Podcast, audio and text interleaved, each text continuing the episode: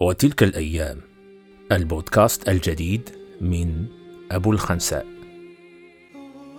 أقفلت الأبواب وضاقت بي السبل وكلما وضعت أرتحل وكلما وصلت أنتقل وصرت تائها أغترب ضالا أترقب.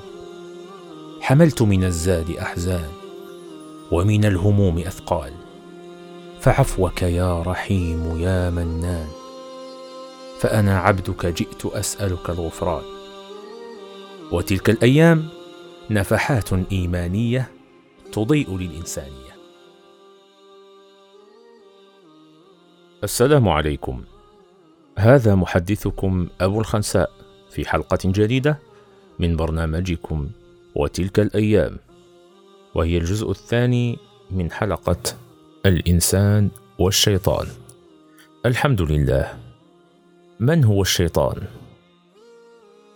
قال الدكتور عمر بن سليمان الأشقر رحمه الله الشيطان الذي حدثنا الله عنه كثيرا في القرآن من عالم الجن. كان يعبد الله في بداية أمره وسكن السماء مع الملائكة ودخل الجنة. ثم عصى ربه عندما أمره أن يسجد لآدم استكبارا وعلوا فطرده الله من رحمته. والشيطان في لغة العرب يطلق على كل عات متمرد وقد أطلق على هذا المخلوق لعتوه وتمرده على ربه. وأطلق عليه لفظ الطاغوت. قال الله عز وجل الذين آمنوا يقاتلون في سبيل الله والذين كفروا يقاتلون في سبيل الطاغوت. فقاتلوا أولياء الشيطان إن كيد الشيطان كان ضعيفا. وهذا الاسم معلوم عند غالبية أمم الأرض باللفظ نفسه كما يذكر العقاد في كتابه إبليس. وإنما سمي طاغوتا لتجاوزه حده وتمرده على ربه وتنصيبه نفسه الها يعبد. وقد يئس هذا المخلوق من رحمة الله ولذا أسماه الله إبليس.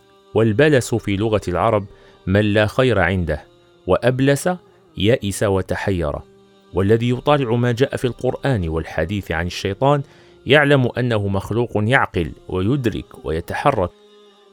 كيف هي صورة الشيطان؟ الشيطان قبيح الصورة وهذا مستقر في الأذهان. وقد شبه الله ثمار شجرة الزقوم التي تنبت في أصل الجحيم برؤوس الشياطين. لقبح صورهم وأشكالهم. قال الله تعالى إنها شجرة تخرج في أصل الجحيم طلعها كأنه رؤوس الشياطين. وقد كان النصارى في القرون الوسطى يصورون الشيطان على هيئة رجل أسود ذي لحية مدبدبة وحواجب مرفوعة وفم ينفث لهبا وقرون وأظلاف وذيل. هل للشيطان قرنان؟ قال رسول الله صلى الله عليه وسلم لا تحروا بصلاتكم طلوع الشمس ولا غروبها فإنها تطلع بقرني شيطان. والمعنى أن طوائف المشركين كانوا يعبدون الشمس ويسجدون لها عند طلوعها وعند غروبها فعند ذلك ينتصب الشيطان في الجهة التي تكون فيها الشمس. حتى تكون عبادتهم له. هل يأكلون ويشربون؟ الجن والشياطين منهم يأكلون ويشربون. فعن أبي هريرة رضي الله عنه أن النبي صلى الله عليه وسلم أمره أن يأتيه بأحجار يستجمر بها وقال له ولا تأتيني بعظم ولا روثة. ولما سأل أبو هريرة الرسول صلى الله عليه وسلم بعد ذلك عن سر نهيه عن العظم والروثة قال هما من طعام الجن وإنه أتاني وفد جن نصيبين ونعم الجن. فسألوني الزاد فدعوت الله لهم ألا يمروا بعظم ولا بروثة إلا وجدوا عليها طعاما. وأخبرنا رسول الله صلى الله عليه وسلم أن الشيطان يأكل بشماله وأمرنا بمخالفته في ذلك. فعن ابن عمر رضي الله عنهما أن النبي صلى الله عليه وسلم قال إذا أكل أحدكم فليأكل بيمينه وإذا شرب فليشرب بيمينه فإن الشيطان يأكل بشماله ويشرب بشماله. وعنه صلى الله عليه وسلم قال إذا دخل الرجل بيته فذكر الله عند دخوله وعند طعامه قال الشيطان لا مبيت لكم ولا عشاء.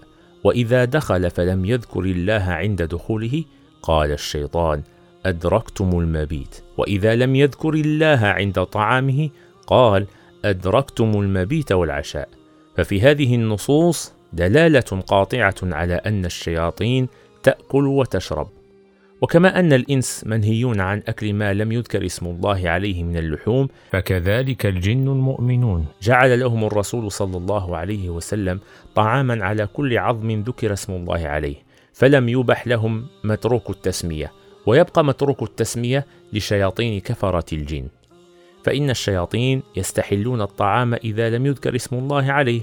واستنتج ابن القيم رحمه الله من قوله تعالى إنما الخمر والميسر والأنصاب والأزلام رجس من عمل الشيطان أن المسكر شراب الشياطين فهو يشرب من الشراب الذي عمله أولياؤه بأمره وشاركهم في عمله فيشاركهم في شربه وإثمه وعقوبته. هل يتزاوج الجن الذي يظهر أن الجن يقع منهم النكاح وقد استدل بعض العلماء على ذلك بقوله تعالى في أزواج أهل الجنة لم يطمثهن إنس قبلهم ولا جان والطمث في لغة العرب الجماع وأخبرنا ربنا أن الشيطان له ذرية. قال تعالى مبكتا عباده الذين يتولون الشيطان وذريته أفتتخذونه وذريته أولياء من دوني وهم لكم عدو؟ بئس للظالمين بدلا. قال قتادة أولاد الشيطان يتوالدون كما يتوالد بنو آدم وهم أكثر عددا. هل يقع زواج الإنس من الجن؟ لازلنا نسمع أن فلانا من الناس تزوج جنية أو أن امرأة من الإنس خطبها جني. يقول ابن تيمية رحمه الله وقد يتناكح الإنس والجن ويولد بينهما ولد وهذا كثير معروف وعلى فرض إمكان وقوعه فقد كرهه جمع من العلماء كالحسن وقتادة وإسحاق والإمام مالك رحمه الله لا يجد دليلا ينهى عن مناكحة الجن غير أنه لم يستحبه ولكني أكره إذا وجدت امرأة حاملا فقيل من زوجك؟ قالت من الجن فيكثر الفساد وذهب قوم إلى المنع من ذلك واستدلوا على مذهبهم بأن الله امتن على عباده من الإنس بأنه جعل لهم أزواجا من جنسهم.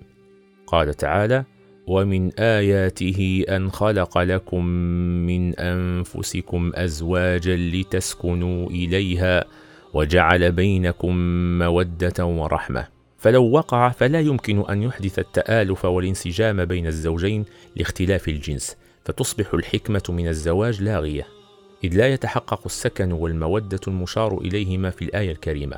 وعلى كل فهذه مسألة يزعم بعض الناس وقوعها في الحاضر والماضي. فإذا حدثت فهي شذوذ قلما يسأل فاعلها عن حكم الشرع فيها. وقد يكون فاعلها مغلوبا على أمره لا يمكنه أن يتخلص من ذلك.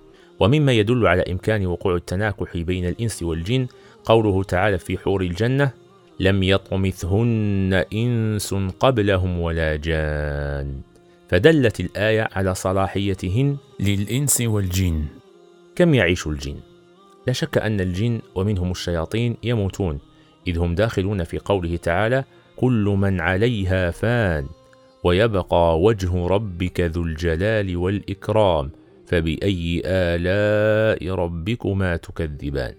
أما مقدار أعمارهم فلا نعلمها إلا ما أخبرنا الله عن إبليس اللعين أنه سيبقى حيا إلى أن تقوم الساعة. قال أنظرني إلى يوم يبعثون. قال إنك من المنظرين. أما غيره فلا ندري مقدار أعمارهم إلا أنهم أطول اعمارا من الإنس. ومما يدل على أنهم يموتون أن خالد بن الوليد قتل شيطانة العزى الشجرة التي كانت تعبدها العرب. وأن صحابيا قتل الجني الذي تمثل بأفعى. أين يسكن الجن؟ الجن يسكنون هذه الأرض التي نعيش فوقها ويكثر تجمعهم في الخراب والفلوات والحشوش والمزابل والمقابر. ولذلك كما يقول ابن تيمية رحمه الله يأوي إلى كثير من هذه الأماكن التي هي مأوى الشياطين الشيوخ الذين تقترن بهم الشياطين. وقد جاءت الأحاديث ناهية عن الصلاة في الحمام. لأجل ما فيها من نجاسة ولأنها مأوى الشياطين وفي المقبرة لأنها ذريعة إلى الشرك ويكثر تجمعهم في الأماكن التي يستطيعون أن يفسدوا فيها. كالأسواق فقد أوصى سلمان أصحابه قائلا لا تكونن إن استطعت أول من يدخل السوق ولا آخر من يخرج منها فإنها معركة الشياطين وبها ينصب رايته. والشياطين تبيت في البيوت التي يسكنها الناس وتطردها التسمية وذكر الله وقراءة القرآن خاصة سورة البقرة وآية الكرسي منها. وأخبر الرسول صلى الله عليه وسلم أن الشياطين تنتشر وتكثر بحلول الظلام. ولذا أمرنا أن نكف صبياننا في هذه الفترة. قال رسول الله صلى الله عليه وسلم إذا كان جنح الليل أو أمسيتم فكفوا صبيانكم فإن الشياطين تنتشر حينئذ. فإذا ذهب ساعة من الليل فخلوهم فأغلقوا الأبواب واذكروا اسم الله فإن الشيطان لا يفتح بابا مغلقا. وأوكئوا قربكم واذكروا اسم الله وخمروا آنيتكم واذكروا اسم الله ولو أن تعرضوا عليها شيئا وأطفئوا مصابيحكم والشياطين تهرب من الآذان وفي رمضان تصفد الشياطين وبالأحرى مردة الشياطين. والشياطين تحب الجلوس بين الظل والشمس ولذا نهى الرسول صلى الله عليه وسلم عن الجلوس بينهما وأخبر أن لهم دواب وأن علف دوابهم بعر دواب الإنس. وأخبرنا ربنا أن للشيطان خيلا يجلب بها على أعدائه من بني آدم. قال تعالى واستفزز من استطعت منهم بصوتك وأجلب عليهم بخيلك ورجلك. حيوانات تصاحبها الشياطين. من هذه الحيوانات الإبل. يقول الرسول صلى الله عليه وسلم إن الإبل خلقت من الشياطين وإن وراء كل بعير شيطانا. ومن أجل ذلك نهى الرسول صلى الله عليه وسلم عن الصلاة في مبارك الإبل فعن البراء بن عازب أن رسول الله صلى الله عليه وسلم قال لا تصلوا في مبارك الإبل فإنها من الشياطين وصلوا في مرابض الغنم فإنها بركة. وقد تساءل أبو الوفاء بن عقيل عن معنى قول النبي صلى الله عليه وسلم إن الكلب الأسود شيطان ومعلوم أنه مولود من كلب وأن الإبل خلقت من الشياطين مع كونها مولودة من الإبل. وأجاب أن هذا على طريق التشبيه لها بالشياطين لأن الكلب الأسود أشر الكلاب وأقلها نفعا والإبل تشبه الجن في صعوبتها وصولتها كما يقال فلان شيطان إذا كان صعبا شريرا. ماذا أعطى الله للجن من قدرات؟ أعطى الله الجن قدرة لم يعطها للبشر وقد حدثنا الله عن بعض قدراتهم. منها سرعة الحركة والانتقال فقد تعهد عفريت من الجن لنبي الله سليمان بإحضار عرش ملكة اليمن إلى بيت المقدس في مدة لا تتجاوز قيام الرجل من جلوسه. ومنذ القدم كانوا يصعدون إلى أماكن متقدمة. فيسترقون أخبار السماء ليعلموا بالحدث قبل أن يكون. فلما بعث الرسول صلى الله عليه وسلم زيدت الحراسة في السماء. قال تعالى وأنا لمسنا السماء فوجدناها ملئت حرسا شديدا وشهبا. وأنا كنا نقعد منها مقاعد للسمع. فمن يستمع الآن يجد له شهابا رصدا. وقد وضح الرسول صلى الله عليه وسلم كيفية استراقهم للسمع. ففي الحديث إذا قضى الله الأمر في السماء ضربت الملائكة بأجنحتها خضعانا لقوله كأنه سلسلة على صفوان فإذا فزع عن قلوبهم قالوا ماذا قال ربكم؟ قالوا للذي قال الحق وهو العلي الكبير. فيسمعها مسترق السمع ومسترق السمع هكذا بعضه فوق بعض. فيسمع الكلمة فيلقيها إلى من تحته ثم يلقيها الآخر إلى من تحته حتى يلقيها على لسان الساحر أو الكاهن. فربما أدركه الشهاب قبل أن يلقيها وربما ألقاها قبل أن يدركه فيكذب معها مئة كذبة فيقال أليس قد قال لنا يوم كذا وكذا كذا وكذا؟ للحديث بقية مع قصة الإنسان والشيطان. هذا محدثكم أبو الخنساء يحييكم. على أمل اللقاء بكم إن شاء الله تعالى في حلقة جديدة من برنامجكم وتلك الأيام.